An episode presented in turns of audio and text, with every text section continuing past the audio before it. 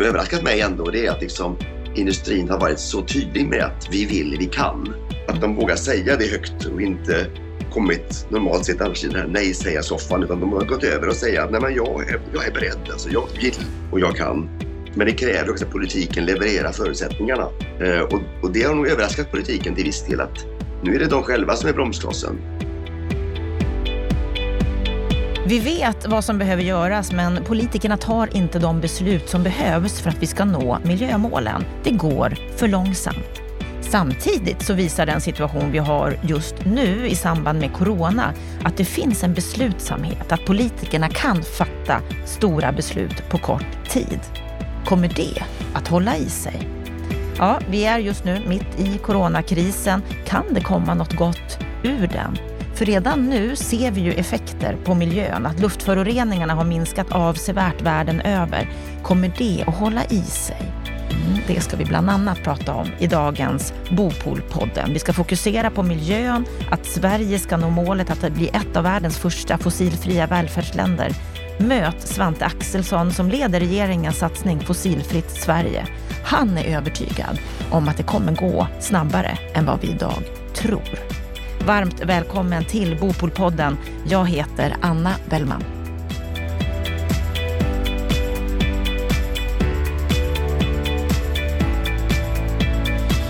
Under veckan som har gått så ja, det har hänt mycket, framför allt med anledning av corona, alla effekter av det. Stefan Attefall, vår expertkommentator. Vad säger du? Vad är det som händer övergripande med ekonomin just nu? Ja, det är ju ett dramatiskt skede, inte bara på den medicinska fronten utan även på ekonomins område. Och jag tror att om vi ser nu kulmen på de medicinska effekterna av, av coronasmittan de närmaste veckorna så kommer vi se de ekonomiska effekterna under många, många månader framåt, kanske år också. Och här är det ju en del diskussioner från globalt håll att Sverige är lite för loja och andra menar att den svenska modellen bör prisas och lovordas. V vad mm. säger mm. du om det här? Ja, det, det, här, här kan man göra bara bedömningar. Jag tror att Sverige ändå håller en relativt vettig linje. Eh, men det bygger väldigt mycket också på att vi har ganska mycket tilltro i Sverige till myndigheternas råd och vi följer dem. Alltså man, man samlas ju inte 499 stycken personer eh, om gränsen är 500, utan man samlas överhuvudtaget inte alls. Undantag finns ju alltid självklart. Alltså vi, vi, vi över, nästan överimplementerar myndigheternas råd och då funkar den här mera ansvarslinjen. Medan i andra länder så lyder inte folk rekommendationer och tvingas man till drastiska åtgärder. Jag tror att det är en viktig förklaring. Men, eh, och så är vi ett glesbefolkat land också, vilket också underlättar det hela. Men eh, jag tror ju att eh, vi, måste, vi får inte glömma bort att de stora effekterna kan bli på ekonomins område som ska, skapar enorma förluster i ekonomiska värden, men också förluster i människoliv. För att här har du hälsoaspekter och självmord och livstragedier som följer också i spåren av konkurser och, och andra saker. Så det, det, det, är en avvägningsfråga det här. Men, men allt handlar också om hur lång tid Sverige är så här nedstängt som vi är nu. Korta tid så blir det mindre effekter, längre tid enorma effekter. Så vi får bara avvakta och se vilka enorma effekter som skulle ja. kunna komma. Och när vi tittar då på branschen, fastighetsbranschen, byggbranschen. Än så länge så är ju byggbranschen inte jättepåverkad vad jag förstår. Byggvärlden har bland annat gjort en rundringning här i veckan där man säger att det är lite lugnet före stormen inom bygg. Ja, och det är nog rätt uppfattat bland de flesta större och ska säga, de som har kontrakt som rullar på. Men man ska komma ihåg att prognosmakarna pekar nu på att nu kommer ekonomin att sjunka med flera procentenheter av BNP. Eh, Swedbank kommer med prognoser som säger att vi kan få en 10 arbetslöshet redan till sommaren. Och det är klart det slår igenom på också byggprojekten, fast det tar längre tid innan det slår igenom. Vi ser ju redan hur många ska säga, mindre hantverkare får problem. Dels för att hushållen inte vill släppa in hantverkare i sina hem under coronatiden, men framförallt att deras besparingar har rykt nu på fallande börskurser och man ser om sitt hus och man tänker på att nu gäller det att inte ta på sig en massa nya utgifter. Så man gör inte den här badrumsrenoveringen och köksrenoveringen och byter tak som man kanske annars har planerat att göra. Mm, så, att så det är värre för de effekterna. små än för de stora just nu? Jag skulle tro att effekterna är snabbare på dem, men mm. det kommer få nedgång i hela byggsektorn. Och det följer också arbetslöshet i spåren av detta och eh, även konkurser tror jag hos en del företag. Så att det, Jag tror att byggsektorn är lite senare i konjunkturfasen här än vad en del andra företag som drabbas direkt. Och när det gäller fastighetsbranschen då, om vi tittar på de som vänder sig till mer kommersiella aktörer. Det är otroligt många branscher här som har det tufft när det gäller restauranger, när det gäller handel ja. och så vidare.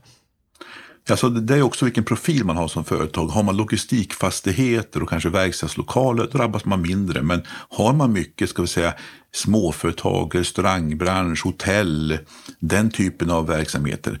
Då är det inte bara de verksamheterna som går på knäna utan även deras eh, hyresvärdar kommer få problem i form av ökade vakanser, konkurser, men också i form av fallande förmögenhetsvärden. Alltså värdet på fastigheten sjunker när intäkterna blir lägre och då blir det också förluster där. Och har du då inte tillräckliga marginaler i din ska vi säga, upplåning och i din skuldsättning då kan det få enorma konsekvenser.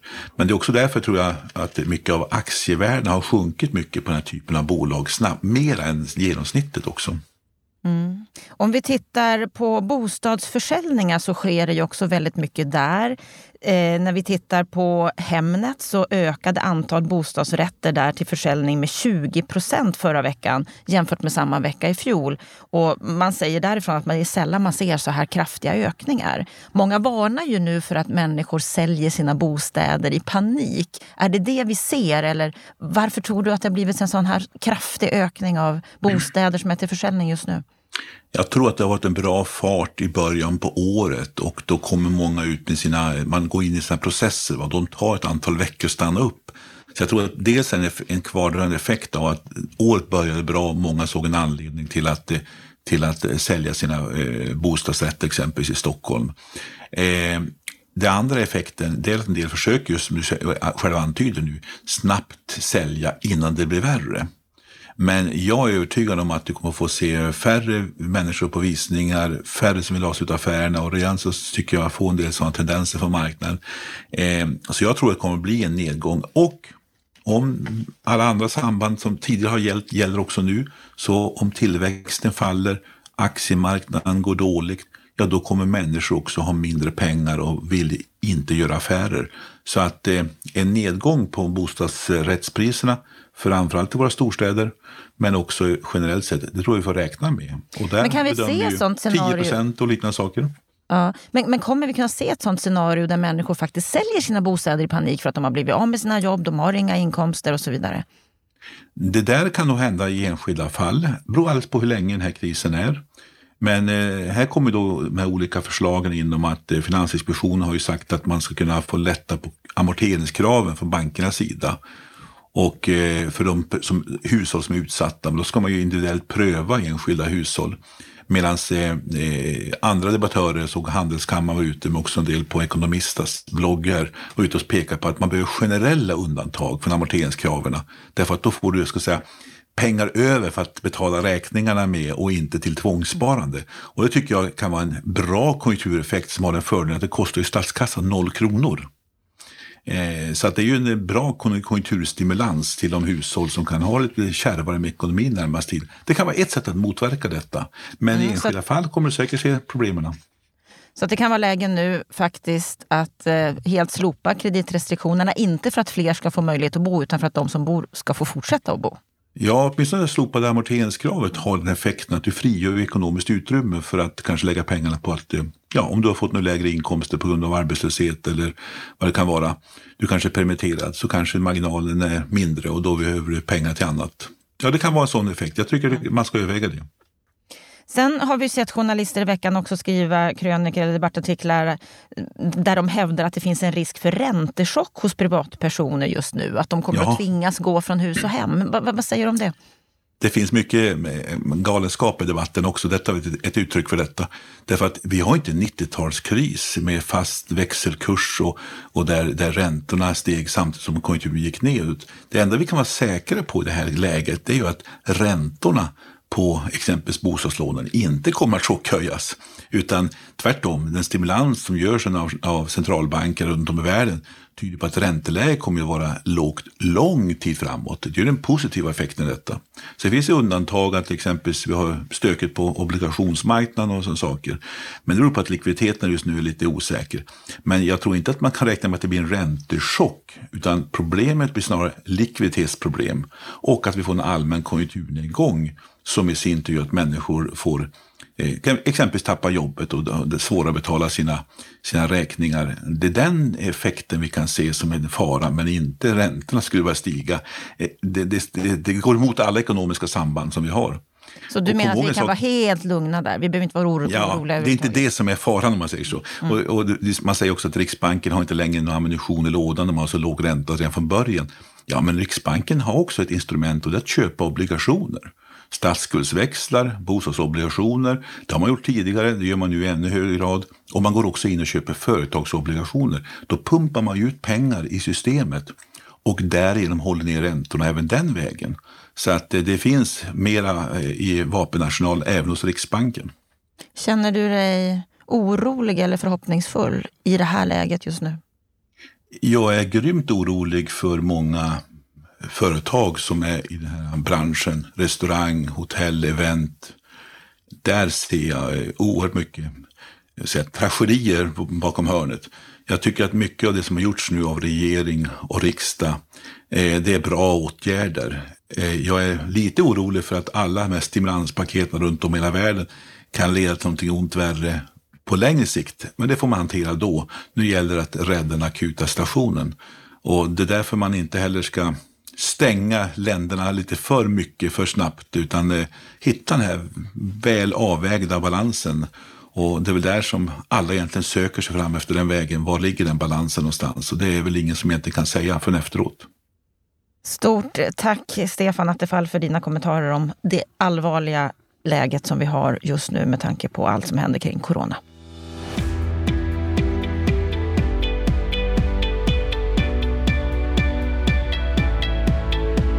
Vi fokuserar för mycket på privatmoralistiska frågor som flyg och köttätande medan byggindustrin står för en femtedel av Sveriges utsläpp. Det borde halveras inom tio år. Det menar mannen som leder regeringens satsning Fossilfritt Sverige. Och idag, i dessa coronatider, är han med oss via länk. Varmt välkommen till Bopolpodden, Svante Axelsson. Tack för det. Du Svante, vad är, vad är din sinnesstämning idag? Eh, ja, det är så fint väder så att man är lite ändå, tycker jag, positiv känsla i kroppen. Och så eh, lever man ibland i den här känslan av att oj, världen är annorlunda ja. Just det, det är som en dröm. Är, är det sant det här att man inte får träffas och åka till jobbet? Och, ja, det är fortfarande en overklighetskänsla som, eh, som man ibland förtränger när man är hemma ju.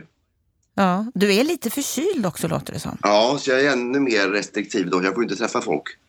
Mm. Men det, är en vanlig förkylning, jag är helt säker på det. Men eh, jag måste ju Du mår förhållandevis bra. Ja, du mår förhållandevis bra. Mm, ja, härligt det, att höra. Det, ja. Du Svante, i media har det skrivits om dig att det aldrig har funnits en lika dedikerad och frispråkig statstjänsteman, den ständiga optimisten. Det är lite pastor över honom. Han är frälsaren. Är det här en rättvis bild av dig? Nej, no, alltså det, nej, det tycker jag faktiskt inte. Uh, delvis är jag väl lite rädd för såna här religiösa metaforer. Uh, men uh, jag tänker att jag är inte alltså optimist. Tycker jag. jag har svårt för det ordet faktiskt. Säkert i vår tid när det är så mycket tunga utmaningar. Uh, en optimist kan ju tolkas som att man är, inte ser verkligheten utan har liksom det här, ja men det, det, det löser sig på något sätt. Alltså mer mm. rycker på axlarna och tror att det ska fix, fixa sig på något sätt. Eh, det är inte jag. Ehm, och jag är inte optimistisk egentligen just nu med tanke på världens tillstånd så ser, jag, ser det ganska mörkt ut när det ser världens omställning i klimatfrågan. Många dåliga ledare, värre än på länge. Men jag är ganska hoppfull brukar jag säga när det gäller Sveriges omställning. Så att, hoppfullhet tycker jag är ett bättre ord för det bygger mer på mig, för mig lite mer på fakta. Att jag, det finns grund för att vi kan fixa det här men eh, mm. det ser ganska tufft ut. Sen tror jag att det är intressant. Inte... Jag tänker också det är intressant det där folk tycker att man liksom är entusiastisk och sådär. Men, ja, men jag tror att jag är nog ganska energirik som person. Att jag uttrycker mig ganska energifullt. Eh, och då, då blir folk lite, ja men då är det pastor plötsligt. Det är lite tycker jag är intressant Sen- spår att man är så ovan vid att någon, någon är så, har så stark energi när man pratar. Att det kanske upplevs som lite annorlunda. Ja, så du vill inte riktigt se dig som frälsaren. Fast du har Nej. läst teologi läste jag. Ja, det har jag gjort. Så jag, så jag vet ju vad det kan innebära. Du har ju också, Svante, utsetts till den tredje mäktigaste inom hållbarhet i Sverige. Du blev bara slagen av Greta Thunberg och Isabella Lövin i den Ja. jämförelsen. Du har också Ja. fått miljöpriset förra året för din förmåga att just väcka entusiasm och engagemang när det gäller miljöfrågorna. Ja, Det är ju ett fint pris. ja, ja men det är jätteroligt. Och det är jag jätteglad för. Eh, och jag tror verkligen att det, det är behov av att, först, att få engagemang och hoppfullhet. Och i dessa tid. tider också, tänker jag, i dessa Ja. tider, att faktiskt vara hoppfull och Ja. vara entusiastisk över att det här går att lösa. Ja. Nej, Du jag- har en jag- viktig roll, jag, tänker jag. Ja, jag hoppas det. Eh, och jag, jag, nej, jag tror väldigt mycket på det själv, att man, man måste få... Det gäller ju stora samhällsförändringar i, i världen i stort. Att man, har man inte hopp så blir det ingen kraft i, i förändringen. Och jag, jag är lite besviken på många ledare som inte kan förmedla hopp. Eh, för att det är så avgörande i en sån här utmanande tid. Att- Hur tycker du att- ledarna i Sverige klarar sig? Så där tycker jag. Eh, Det är väldigt få som kan berätta berättelsen om hur vi ska ställa om. Om man ser nu exempelvis corona tycker jag att man är mycket duktigare. Där berättar man ju ganska mycket om vad som gäller och vad man ska göra och varför och hur och vad vi ska ställa upp och det är en enorm mobilisering. Det tycker man ska verkligen ge beröm för. Eh, Men man skulle behöva lite mer av den retoriken och den bilden även när det gäller klimatomställningen som är en annan ödesfråga. Mm. Eh, Där ser jag inte alls samma tonalitet eller berättarkonst. Folk måste ju förstå hur det ska gå till, folk måste bli motiverade, folk måste känna sig trygga. Det är så väldigt grundläggande för att få med sig människor. Men kan det vara för att inte ledarna förstår allvaret i situationen? Ja, eh, både och. Så Jag, säga. Jag, jag tror att det, det är inte att de förnekar klimatförändringarna eller så, det tror jag inte. Men de kanske inte riktigt har förstått eh, hur man ska mobilisera Sverige i en värld där alla andra länder inte riktigt hänger på i samma hastighet. Och eh, kanske inte heller har grundberättelsen klar för sig. Alltså både berömma historien, vad vi har gjort tidigare, eh, hur man kan fixa trafiken som ligger närmast i tur att bli fossilfri och några konkreta exempel. Eh, för jag tror nämligen att människor är mycket mer rädda för samhällsförändringen eller oro för vad ska hända med mitt jobb och där jag bor. Eh, det, är- en, det är en när, närliggande hotbild kontra rädsla för klimatförändringarna och, och får man inte bort de här hjärnspökena som man har så får människor, eh, då blir människor väldigt oroliga och kan inte stödja den politik de de själva föreslår. Mm. Vi får återkomma lite grann till det. Jag skulle vilja lära känna dig lite mer. För, förutom teologi så har du läst miljöekonomi, du utbildade dig till agronom, Mm. har varit generalsekreterare på Svenska Naturskyddsföreningen och sedan några år tillbaka så är du samordnare för regeringens initiativ Fossilfritt Sverige. Mm. Vad, vad skulle du säga är fossilfritt Sverige om du ska förklara det kort? Ja, alltså man kan ju tänka sig eh, två ingångar där. Alltså en ingång är att ett samhälle som är mycket bättre helt enkelt. Alltså vi är effektivare, det är mindre utsläpp, det är mindre buller. Det är ett mer modernt samhälle. Eh, det är en ingång som jag tror egentligen är den mest spännande ingången för människor. Det andra är en mer teknisk ingång. Det är ju att man säger, ja men det är ju inte så konstigt att olja, kol och fossilgas är borta. Mm. Vi har bytt energisystem på allting. Inte bara på elen utan allt är fossilfritt. Och det är ju inte konstigt för vi har ju så mycket energi på klotet så att det är ju en ganska, på pappret, ganska enkel match egentligen. Jag läste att eh, målet för er verksamhet, eller målet för Sverige, det är att Sverige ska bli ett av världens första fossilfria välfärdsländer. Ja, Kommer vi klara det? ja det tror jag. Jag tror vi att Du är övertygad? Ja, det är jag faktiskt. Eh, vi har världsunikt bra förutsättningar. Så det, det, det är ett sånt kanonland att leva i med, så, med blocköverskridande uppgörelser. Men vi nu har de här 21 färdplanerna som vi har varit med och tagit fram. Där ju branscherna själva frivilligt säger att de vill bli fossilfria för att det är bra för konkurrenskraften och jobben. Eh, vi har en stark mobilisering i folkdjupet. Folk är väldigt engagerade. Vi har facket med oss. Stark miljörörelse. Vi har Greta. Vi har gott om energi. Ja, man, vi har ju världens förutsättningar. Och det är så viktigt också just det här att man ska få med oss, alltså att det handlar om välfärdsland. Jag brukar betona det att det, vi måste göra det här med gott humör. Det kan låta lite provokativt att säga så kanske men om vi inte gör det med gott humör så smittar det inte. Eh, och själva poängen med att göra Sverige fossilfritt är ju inte att vi ska vi sitta här och vara självgoda utan det är att det ska sprida sig, att vi ska få fram en berättelse i världen att det går att skapa en välfärdsland, kanske lättare till och med, om man är fossilfri. Det är ju den storyn som, som måste förstås av fler ledare i världen. Och vad är det viktigaste i ditt jobb här för, som, som samordnare för det här initiativet? Alltså jag tror faktiskt att det är en rätt viktig del är själva det här att, att vara med i en slags förändringsrörelse. Alltså varför går folk med i Fossilfritt Sverige? Det rullar ju in företag fortfarande, vi är uppe i 450 företag. Och de skriver ju på att vi ska vara världens första fossilfria välfärdsland. Eh, jag tror att en, en viktig del är att de, de vill visa på att de är med på den, den, den hoppfulla sidan. De vill liksom joina sig och förena sig med de som, som vill visa på lösningar. Alla vill visa att jag, jag vill bidra till en bättre värld. Eh, så det är en viktig del i den här berättelsen att det är en optimistisk eller framtidstroende eh, rörelse som, som ser på möjligheterna. Att vi betonar det. Det andra är väl liksom att det är de här branscherna som jag liksom jobbat med, att de så många har ställt upp och tror jag chockat många i samhället att de vill bli fossilfria snabbare än vad politiken eh, har tänkt. Och att den där eh, överraskningen gör att människor eh, dras till att vilja vara med i Fossilfritt Sverige. Mm. Många menar just att näringslivet har ställt om snabbt, och verkligen har tagit klimatkrisen på stort allvar. Mm. Går det tillräckligt fort tycker du? Ja, eh, fortare borde det gå. Eh, men jag tänker också att liksom det, de här färdplanerna är ju första, det första varvet kan man säga i sin berättelse. Man tänker, ja, men, ja, men jag ska kunna klara av det här till 2040 eller 2045 och några ligger ju tidigare än, än 2045. Men jag tänker att det där är ju en... Det kommer att skrivas om de där färdplanerna. De kommer att uppgraderas och förbättras. Och de kommer att se att det går lättare än de har tänkt från första gången, från första, eh, första rundan så att säga. Så att, jag tänker alltid evolution, att man, man tänker så här nu och så går man en vandring mot det mål man tänker sig. Men på vägen så kommer man upptäcka att det kommer att gå fortare. Men det är svårt att inse just nu. Mm. Byggbranschen, byggindustrin står ju för en femtedel av Sveriges utsläpp ungefär. Mm. Du menar att det här borde halveras inom tio år. Ja. Det är rätt mycket. Ja, och det vill de ju Kommer själva också.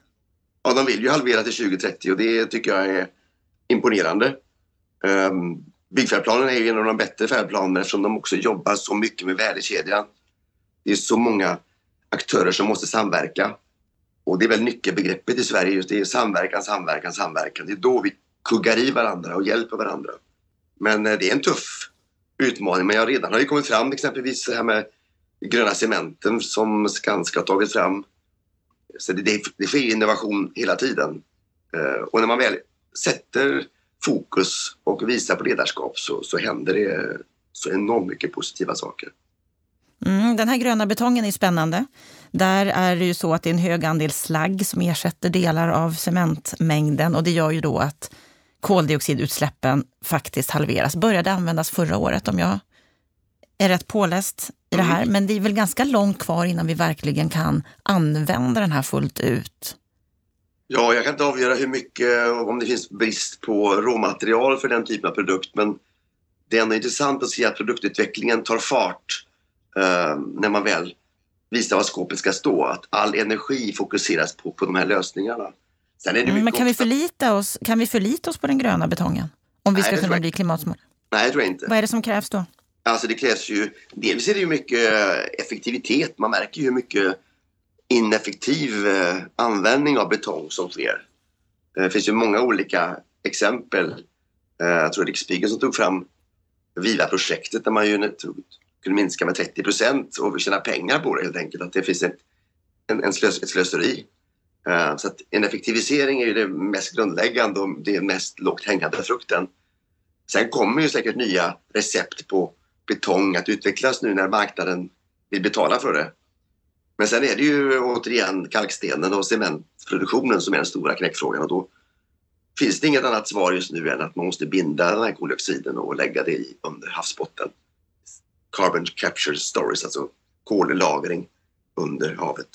Mm. Du, du menar att det finns många bra initiativ här, många saker som görs som kommer att hjälpa oss att, att nå de här målen. När jag har pratat med företrädare i branschen så menar de att 2030, där verkar det komma många bra lösningar. Där har innovationerna verkligen tagit fart. Men att läget är kritiskt de kommande tio åren. Mm. Att det mm. känns lite som att branschen famlar här. Mm. Ja, Vad gör vi mellan 2020 och 2030, de kommande tio åren? Ja, jag kan ju inte bedöma det riktigt eh, som... Jag är ingen sån fackperson så jag kan ge en bedömning om det är rätt analys. Men min känsla bara är om man generellt ser på hur olika branscher tänker så är det att det överraskar dem själva. Om man tittar på elbilar och bil, elbilsutvecklingen så skulle man inte våga tro att det skulle bli en sån försäljningsboom som det nu är bara för fyra, fem år sedan. Eh, så att min insikt är väl ändå att när man skapar väldigt tydliga målbilder, man får en, en, ett tryck i frågan, då, då, då överraskar även de som levererar lösningar. Det kommer att gå fortare. Det är generellt så är min känsla. Så jag tror det gäller även byggindustrin. Um, träbyggnation kommer också vara en pusselbit i detta. Um, det kan man också föra in ganska omgående, det måste man inte vänta till 2030. Uh, ja, det är många som är förespråkare här som verkligen propagerar för ett ökat byggande i trä. Ja, det är ju absolut en, en riktig pusselbit men även där kommer man ju se att det går ju inte att skövla skogen hur mycket som helst. Det finns ju en, en, eh, en balansakt att göra men att bygga mer i trä det tror jag är absolut eh, önskvärt och nödvändigt på alla möjliga sätt. Men inte helt men, problemfritt? Nej, det är det inte. Nej, det går inte att bygga allt i trä. Det räcker inte till. Så det är väl pusselbitar som vanligt här med de här lågt hängande frukterna, det är effektiviseringen och handlar det om kanske 20-30 procent så är det en jättebra ett jättebra steg mellan, mellan 2020 och 2030. Bygga mer i trä måste också kunna ske före 2030. Och jag tror personligen att man kommer att utveckla mer recept före 2030. Sen är det spännande att tänka långt bakom krönet, så att säga. Vad, finns det andra byggmaterial? Finns det andra tekniker som vi inte har en aning om idag?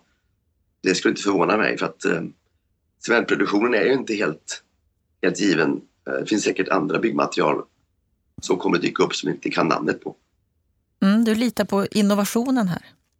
Ja, jag, tycker, ja, jag tycker man märker det generellt sett att när man lägger mycket tankemöda, mycket forskningspengar och har en väldigt klar problembild så, så tror jag inte att mänskligheten har, har kommit till vägs ände när det gäller innovationer. Vi kommer att hitta på mycket, mycket skojigt framöver som vi inte ens har en aning om.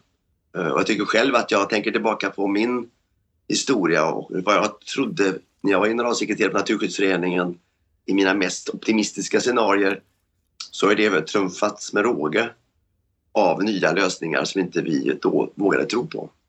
Mm, det är mycket min, spännande som sker. Ja, det är det.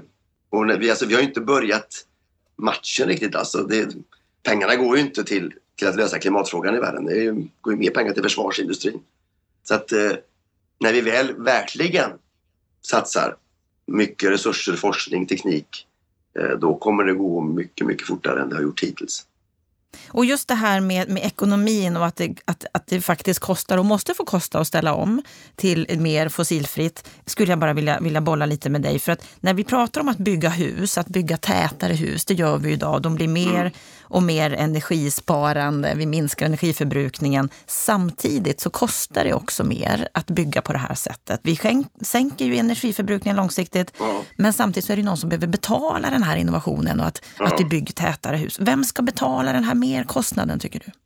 Nej, men den får man ju betala som kollektiv kan man säga, som konsument eh, i huvudsak. Man kan ju hjälpa till i början. Staten kan ju alltid vara med och, och sänka kostnaderna för att all ny teknik är ju dyr i början. Första mobiltelefonen är jättedyr, första elbilen är jättedyr. Allting är dyrt i början innan man får storskalighet i produktionssystemet. Sen brukar kostnaderna faktiskt eh, gå ner ganska mycket. Man pratar om lärkurvorna, att de dras ju ner av volymökningen. Så frågan är hur mycket dyrare det blir i slutändan. Eh, men det andra är väl att typ cementen då som kan ju vara 50-60 procent dyrare med den så kallade CCS-tekniken. Eh, det innebär ju enligt Chalmersforskarna kanske bara att det kostar 0,5 procent mer att bo i ett sånt hus. Så att man måste skilja på hur konkurrenssituationen ser ut för cementtillverkaren. Det är en enorm prisskillnad på att köpa klimatneutral cement eller inte klimatneutral cement. Men för den som bor i ett hus så är det en marginell eh, kostnad. Och här har vi ju ändå en motsättning mellan kostnad och den sociala bostadspolitiken. Vi pratar mycket mm. om det i branschen, att vi måste bygga ja. billigare, vi måste se till att fler har råd att bo. Så att just den här, den här motsättningen mellan kostnaden att få mer energieffektiva hus och den sociala bostadspolitiken. Mm. Tolkar jag dig rätt att är det här ett sånt ämne där staten verkligen borde gå in för att kapa de här kostnaderna för branschen? Ja, ja det är intressant. Alltså först tänker jag egentligen att det här med kostnadsbilden på byggandet det har ju mycket med konkurrenssituation att göra också. Alltså vi har väl kanske inte stenhård konkurrens i byggindustrin. Eh, eh, så det finns nog en del marginaler att ta av, kan jag tänka mig. Ehm, det andra är väl liksom att, och det gäller ju allt, all förändring nu när det gäller dyrare bränslen kanske det blir om man nu har mycket biodrivmedel i bensin och diesel. Eh, hur ska det gå för de fattigaste då? Ehm, det finns många olika delar i den här förändringen som kan innebära ökade kostnader. Men då tänker jag att då måste man gå in med fördelningspolitiken i grunden. man kan inte rabattera kan man säga billig bensin eller billiga hus eller billig mat för de fattigas skull utan fattiga måste ju få mer inkomster. Så att jag tror då, tycker man att det finns grupper som inte orkar bära den här dyrare varorna eller konsumtionen då måste man ju också jobba med fördelningspolitiken i grunden så att de som är mest utsatta få en starkare betalningsförmåga. Eh, för det blir ganska svårt när man börjar ge gratis bröd eller börjar ge gratis bensin eller el eller hus. Det är en ganska ineffektiv eh, fördelningspolitik. Att åtgärderna borde ske på annat håll? Ja, man måste betala för det som det kostar. Eh, och då får man hellre ge inkomstförstärkningar än att börja gå på varje produkt och ge rabatt där. Mm. Du sa, Svante, i en artikel för ett drygt år sedan att byggbranschen och övriga näringslivet ligger före politikerna när det gäller strategier för en förnybar och fossilfri industri. Du var inne på det här också. Mm. Och då sa du så här att nu är det inte näringslivet som är bromskloss, nu är det politikerna. Ja. Är de fortfarande bromskloss? Ja. På vilket ja. sätt? Ja, de hinner inte med att leverera politik så att det går att göra det som färdplanerna önskar. Alltså vi pratar mycket om begreppet hinderröjning. Det är mitt jobb också att identifiera röjningshinder. Och hela, den, hela den bilden visar ju på att det finns ett tryck att någon vill springa fortare. Och då är det politiken att vara möjliggörare och, och underlätta för industrin. Och det, det som överraskat mig ändå det är att liksom industrin har varit så tydlig med att vi vill, vi kan. Att de vågar säga det högt och inte kommit normalt sett annars i den här nej-säga-soffan utan de har gått över och säga att nej men jag är, jag är beredd, alltså jag vill och jag kan. Men det kräver också att politiken levererar förutsättningarna. Eh, och, och, det har nog överraskat politiken till viss del att nu är det de själva som är bromsklossen, inte någon annan. De, har, har de den insikten att de är det? Ja, jag tycker de. De säger så själva faktiskt.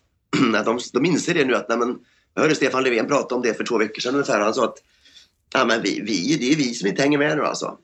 De vill ju gå fortare fram och de är ju rädda för att tappa i konkurrenskraft om det inte går tillräckligt fort. Vilket ju också är den här upp och nervända världen. Att man förut trodde att industrin ville vänta lite men de känner att marknaden är så snabb i sin förändring att man måste få förutsättningar att förändra sin produktion. Så jag tycker att de har insikten. Och jag är väl inne nu att vi har ett väldigt spännande år framför oss. Hoppas vi kan komma tillbaka till mer normalt läge så vi kan leverera även på andra områden än, än corona. Men eh, eh politiken har ju tagit emot också. Vi har lagt fram 27 förslag som är en sammanfattning av de bästa förslagen av de här första 13 färdplanerna. Och de har ju tagits emot med glädje får man säga. De tycker det här är enormt bra samspel som sker nu mellan näringslivet och regeringen. Att regeringen börjar med målen, blocköverskridande mål, klimatlag, fine. Nu har vi då med Fossilfritt Sveriges hjälp tagit fram 21 färdplaner som säger att vi vill, vi kan, vi vill dansa med här. Men då måste ni börja ta nästa danssteg. Och nu är det upp till dem att lägga de förslagen. Det ligger ganska många förslag i den här klimathandlingsplanen som, som är, kommer ifrån färdplanerna. Så att, eh, och när kan men, det bli beslut på att, på att det är de här förslagen som ska, som ska gås på som ni har tagit fram? Ja, de ska ju gå, mandatperioden är absolut eh, yttersta gränsen. Eh, men Så de närmsta två åren kommer vi att se politik? Ja, det är, det är en väldigt eh, intressant period nu att se om politiken orkar leverera det som näringslivet önskar. Vissa saker Vad är din känsla? Vad är, vad, ja, vad är din ja. känsla? Kommer de orka? Ja, det ska jag säga att de, de gör om det inte blir väldigt kaotiskt i riksdagen. Det är ganska svag, det är en svag regering rent parlamentariskt. Så det kräver ju att det inte blir för mycket stökigheter där men förutsättningarna för att det ska bli genombrott i riksdagen det är ju att näringslivet är så tydliga och så starka för att inget parti kan gå emot näringslivet i den här frågan. Så att det är egentligen en hejaklack man har fått ifrån branscherna. Och det är ju lätt att vara politiker om näringslivet är hejaklack för tuffare klimatpolitik. Det, det, det kan ju inte vara bättre. Vad är det viktigaste som du vill se ifrån det politiska hållet på den här frågan? Ja, alltså det viktigaste är nog faktiskt nu, det låter kanske lite, det är ganska tjatigt den här, den här frågan, men alltså det handlar om tempo också. Ehm, tillståndsprocesser. Det tar för lång tid. Nu ska man bygga en elkabel från Flen till Oxelösund för att skapa fossilfritt stål där. Och blir det för mycket överklaganden där så, så, så, så, så brakar ju den, den visionen ihop. Ehm, det finns ju många tillstånd som tar för lång tid. Eh, så därför jobbar vi nu med den frågan och många andra också. Att hur kan vi korta ner tillståndsprocesserna för att det måste gå fortare från alla delar. Både från företagens sida att leverera bättre, bättre ansökningar, inte så slarviga så att man slipper och inte, inte behöver göra om dem. Eh, att Länsstyrelsen får mer resurser man kanske kan förenkla lagstiftningen lite grann. Eh, och det har visat sig att man kan ju vara snabb. Alltså, Northvolt, den här Europas största batterifabrik som byggs i Skellefteå, de fick tillstånd på sex månader. Och en elkabel kan Så det ta... går? Ja, så det går. Så att, även där är det att nu måste, vi måste liksom tagga upp från alla håll och korta ner ledtiderna. Det och då är det ju ett samspel som du är inne på också, inte bara politikerna utan även branschen. Ja. Behöver också bli bättre. Ja, samspel, det är, det är grunden alltså. Och det är det som tycker jag är så ändå fascinerande att se så här långt i alla fall coronakrisen visar ju på vilken potential vi människor har när vi väl hjälps åt. Och jag tror vi kan... Ja, här ser vi ju beslut som är bara på några dagar från, ja. från politiskt håll. Visst, vilken handlingskraft va? Mm, det är häftigt. Och, ja, det är häftigt. Men jag tror vi kan, alltså, lite så kan jag tänka att vi kan ha lärdom av nu är det inget man ber om att få coronaproblem men när vi ändå har problemet här så tror jag vi också kommer att få se vissa positiva bieffekter av att vi lär oss att jobba på annat sätt. Jag hör exempel som säger att nu får ni myndigheter vara kreativa, hitta på saker, ta egna beslut, vi stödjer er. En helt annat ledarskap än den tidigare kulturen där generaldirektörerna var så nervösa att de inte kunde ta något eget beslut utan var alldeles så försiktiga. Och jag tänker att eh, det är en bra effekt av corona. En annan är ju att vi redan nu ser att luftföroreningarna har ju minskat avsevärt ja. världen över. Ja. Till följd av att vi reser mindre, gränserna är stängda. Ja. Att under det här året så väntas koldioxidutsläppen att minska mm. i världen. I fjol var de helt konstanta. Ja. Vad tror du att, att corona på sikt kommer att betyda för miljön? Ja, alltså på kort sikt så är det ju mer kanske en, en andningspaus bara för att det, det, är ingen lösning att man stänger ner samhällen som vi nu gör. Men, men vi kommer också lära oss nya beteenden. Jag tänker på, på hur, vi nu, hur vi nu kommunicerar som vi nu gör just nu. Um, att vi kommer hitta nya sätt att umgås på som inte innebär att man måste flyga till Bryssel så ofta som man gör idag.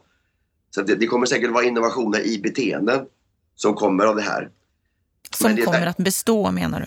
Ja, det tror jag för många, alltså alla flygresor är inte roliga. Alltså, tar mycket tid, man vill hellre vara hemma och lägga barnen. Eller, alltså, det är ju jätteskönt att slippa tråkiga resor till halvtråkiga möten. Um, så det är ju inte, det är inte nöjesresorna som man alltid tänker på utan det är mycket arbetsresor som, som kommer försvinna tror jag. Men det jag framförallt tänker nu att det är ju ett enormt bra läge för den här, de här transformativa investeringarna. Vi ska investera i i fossilfritt stål, i eh, CCS-cement, vi ska ha el till vägarna, vi ska ha bioraff, vi ska bygga ellastbilar, vi ska göra så jättemycket.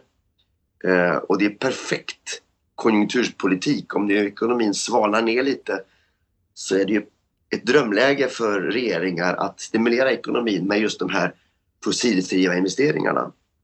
Eh, det är ett enormt möjlighetsfönster för att verkligen göra ett riktigt hopp framåt och byta teknik när vi ändå måste stimulera ekonomin. Och då gäller det att ha modet att göra just de investeringarna ja, just nu. Just det. Så det jobbar vi med just nu, att titta på vilka saker ligger i färdplanerna som måste göras och så tidigarelägger man det och så går man till regeringen att ni ger ju garantier åt alla möjliga nu för att hålla ekonomin uppe. Låt oss få de här garantierna så att de styr också mot de här innovativa investeringarna. Mm, då har du ett intensivt påverkansjobb här nu att göra. Ja, det är, det är högtryck med den här frågan kan jag säga. Det är, eh, en annan sak som, som jag funderar lite på Svante, det är det här jag menar, vi, vi är ju i ett läge nu som inte riktigt vet hur länge det kommer att vara, hur länge corona kommer att lamslå oss på det här sättet. Men när ekonomin rullar igång igen ja. så kommer ju föroreningarna tillbaka, kanske med ännu större kraft mm. för att kompensera för den här förlorade produktionstiden. Och just den här omställningen eh, kan ju, kan ju liksom ge att, att, att vi får ett litet bakslag. Hur, hur, hur ser du på det? Hur, hur, kan vi göra för att behålla de positiva effekterna mm. som vi mm. ser nu? Ja, men jag tror att det är just det där att vi ska inte tillbaka till, det hur det var förut utan vi ska använda det här, den här möjligheten som har dykt upp nu kan man säga i krisens skugga eh, till att göra de här stegen framåt. Både i form av beteenden och nytänkande, eh, också hur organisationen, regering, myndigheter fungerar. Vi får modigare politiker, de är redan uppvärmda i att ta, ta oväntade beslut. Eh, så vi har bieffekter som ändå är positiva men Igår gick IEA, alltså Internationella energimyndigheten, ut och sa att låt oss verkligen nu använda den här tiden till att investera mer i förnybar energi. Så vi kommer lite bättre ut eh, ur den här krisen. Så att han, han verkligen vädjade till att alla att inte glömma att hålla klimatfrågan i fokus även i den här krisen så vi kan dra nytta av de eh, satsningar som måste göras. Så jag tror att det viktigaste är nog det vi pratar om att när vi ändå ska kugga, alltså stimulera igång ekonomin, låt oss då göra det i riktning mot fossilfrihet. För då, då får vi eh, en bra skjuteffekt av det här. Och vad bör branschen fokusera på? Att också fundera på vilka stora investeringar man kan tidigarelägga. Eh, kanske titta på vilket stöd man skulle vilja ha från regeringens sida. Att det har en, en klimatkoppling, de stödförslag man, man ber om. Så man inte bara får pengar att hålla på som förut utan att det måste vara ett driv i att det också bidrar till ökad fossilfrihet. Att man är kreativ och, och ber om rätt sak. Det finns ju också röster idag som säger men ska vi inte ta bort flygskatten nu? Ska vi inte sänka priset på bensin? Ska vi inte liksom, ja, backa bandet snarare än att gå framåt? Så det gäller att se att stimulanspolitiken verkligen har den här klimatsmarta profilen. Det gäller att fokusera på rätt åtgärder. Ja, och hålla hålla kvar den, ödes, den ödesfråga som vi ändå lever med. Den långsiktiga frågan måste förenas med den kortsiktiga. Så om vi gör det, om vi fokuserar på rätt saker, om vi har modet och det politiska modet att fatta mm. rätt politiska beslut nu, då skulle mm. Sverige kunna bli fossilfritt före 2045. Ja, jag tror att det blir före 2045. När, äh, när tror du att det blir? Ja, det är svårt att säga siffra för då kan man bli hängd, men Nej men alltså det, det, kommer att gå fortare. Det har varit så hela tiden. Jag tänkte på klimatpolitiken. Jag var med och vaktade Kjell Larsson när han var miljöminister. Vi pratade om 2010 och vi hade radikala förslag då. Han tyckte minus 4 procent var rimligt och det var tufft, sa vi då, att uppnå till 2010.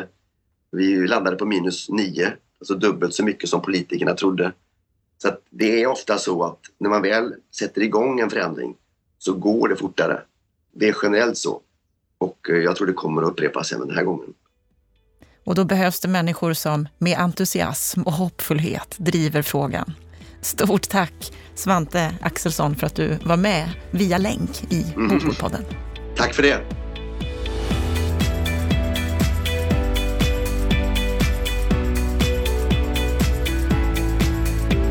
Ja, då har vi hört samtalet med Svante Axelsson. Stefan Attefall, vad säger du om det här samtalet? Ja, intressant och viktigt samtal. Eh, sen är det alltid svårt att prata om klimat och eh, frågor när människors försörjning är kanske det som står i fokus och även hälsa. Så att eh, angelägna frågor, eh, en eh, energirik person som, som Svante Axelsson är, men också en konstruktiv person. Jag gillar hans försök att alltid hitta pragmatiska lösningar på de här stora utmaningar som klimatomställningen innebär. Men som sagt var, vi ska också räkna med att när människors ekonomi och hälsa står på spel, då kommer alla de här frågorna, som exempelvis klimatfrågan, att skjutas i bakgrunden. Vilket är den stora faran just nu. Samtidigt så ser vi ju att i vågen av corona redan nu att det finns en hel del positiva effekter. Att vi har sett att luftföroreningarna i våra stora städer världen över faktiskt har minskat. Att det, att det finns positiva saker som händer på ja, det här området. Det där är en pyrrhusseger. Därför att eh, när ekonomin kommer igång igen då kommer det snarare bli så att man inte orkar ta miljöproblem på allvar, för då ska man få rädda jobb och rädda liv och rädda mm. ekonomier.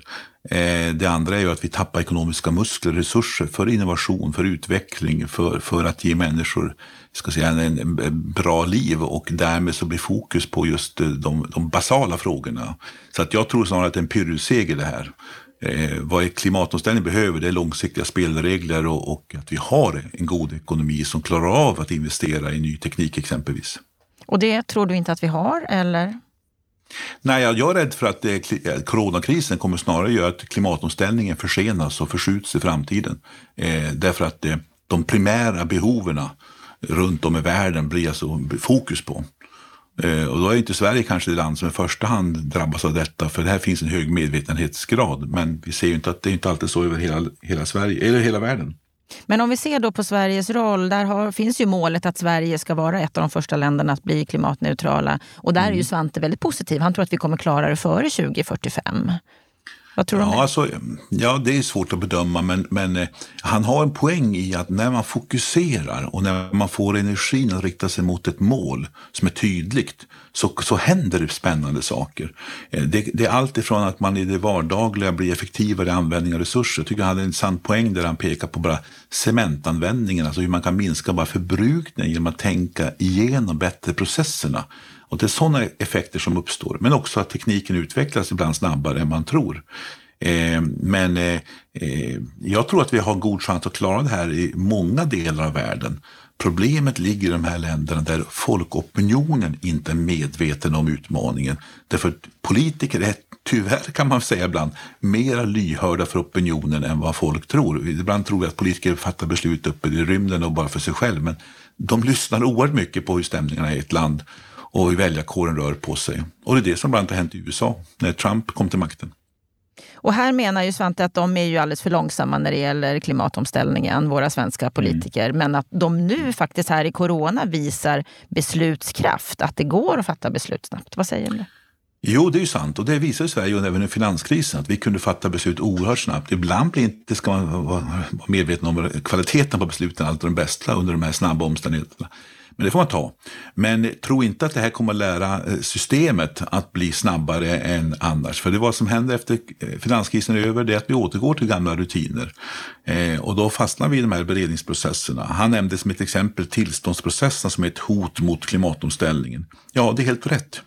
Alltså vi har vi har lagt in så mycket olika krav och restriktioner och eh, av goda skäl. Det kan vara demokratiskäl, det kan vara miljöskäl, det kan vara andra aspekter som gör att processerna blir oerhört långsamma och tröga. Och sen när vi ska bygga exempelvis Ostkustbanan ner till, eh, från Stockholm ner mot, eh, ner mot Linköping och Norrköping, ja då satsar vi pengarna på projektet. Men vi rustar inte upp miljöprövningsdelegationer och liknande saker, så den här byråkratiska processen som ska hantera alla tillstånd. Och där har vi systemfel i det svenska systemet som eh, jag tycker att han är en bra poäng. Det måste funka bättre om vi ska lyckas nå de här målen. Men där är du skeptisk till att det kommer att bli en effektivisering framåt? Nej, alltså, erfarenheterna visar inte att det är så fallet. Erfarenheten visar att när vi kraftsamlar och ska lösa ett akut problem, då är det svenska systemet ganska bra på att göra detta. Men sen återgår vi till de gamla rullorna och då kommer de här budgetreglerna och byråkratiska processer och domstolar som eh, säger att nej, så här kan man inte göra och liknande saker. Det blir ett undantagstillstånd just nu, va? men det undantagstillståndet upphör ju så småningom. Mm. Hur ser du på det här samtalet som vi hade kring, kring att, att vi ska bygga billigare för vi måste ju få ut fler i, i, i bostäder. Vi har ju den här bostadssociala problematiken i Sverige idag samtidigt som vi ska nå våra klimatmål och det betyder mm. en fördyrande byggande. Va, vad säger du om det här? Ja, det gäller att göra det här på rätt sätt. Och sen har han ju självklart också en poäng att man måste också fundera på vem som ska bära kostnader för teknisk utveckling, om det alltid ska vara bostadskonsumenterna. För då blir det så dyrare bostäder, särskilt inledningsvis. Men då har ett exempel, tycker jag. Jag har själv varit engagerad i att vi vill stoppa de tekniska särkraven som kommunerna hade. Det vill säga man hade egna energikrav i olika kommuner, vilket då drev upp kostnaderna för att bygga. Eh, och du försvårade industrialiseringen av byggprocessen, det vill säga att du byggde mera i fabrik och hade mer av standardiserade modeller. Därför att du kan inte göra olika lösningar för olika kommuner. Alltså tekniska särkrav för att man ska visa sig duktig på att minska energiförbrukningen i kommun X och kommun Y försvårar den tekniska utvecklingen, fördyrar byggandet och motverkar just sådana industrialiseringar som kan förbilliga det hela. Dessutom så minskar man energiförbrukningen av färdiga bostäderna, vilket ju inte är den stora utmaningen idag. Den stora utmaningen ligger i byggprocessen, det vill säga hur tillverkar vi husen? Hur funkar logistiken? Vilka material använder vi? Och då är vi inne på det här med grön betong och trähusbyggande, men också transporter och allt sånt där. Och där behöver vi lägga mer fokus. Det är där vi har en stora klimatpåverkan just nu i byggprocessen. Mm. Och, och den här klimatdeklarationen som är på gång nu som Boverket står fram, det tror jag är en viktig del i en sån process för att försöka komma åt de här sakerna. Man pratar en del om vikten av innovationer, att det kommer att komma många innovationer, många nya material som vi inte ens känner till mm. idag. Litar han för mycket på innovationer? Nej, jag tycker inte det. Jag tror att här finns en potential. Sen är det som, som du själv var inne på programmet, att det tar tid att få slå igenom och det är därför man behöver också långa serier. Alltså det är också ett, ett, ett eh, argument varför man inte ska ha olika regler i olika kommuner. Därför att om jag ska göra innovativa insatser och, och investera i detta, då måste jag kunna slå ut de här innovationskostnaderna på lång serie. Och då måste jag kunna bygga för flera kommuner. Men eh, jag tror att det finns en kraft i detta. Problemet ligger som du säger i tidsaspekten som du ställer frågor om. Det vill säga att närmaste åren ser svåra ut. Men sen kommer man till ett breakthrough någonstans. Och, och många säger ju då efter 2030, då kan det börja hända mycket saker. Men det är fram till dess som är den svåra utmaningen.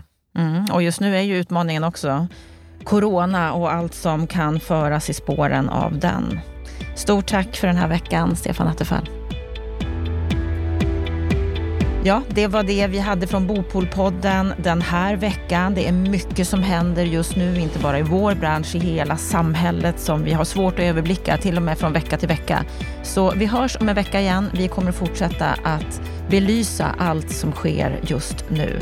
Vill du nå oss så gör du det på podd.bostadspolitik.se och vill du läsa fler artiklar och fördjupa dig i debatten så hittar du mycket information på sajten bostadspolitik.se.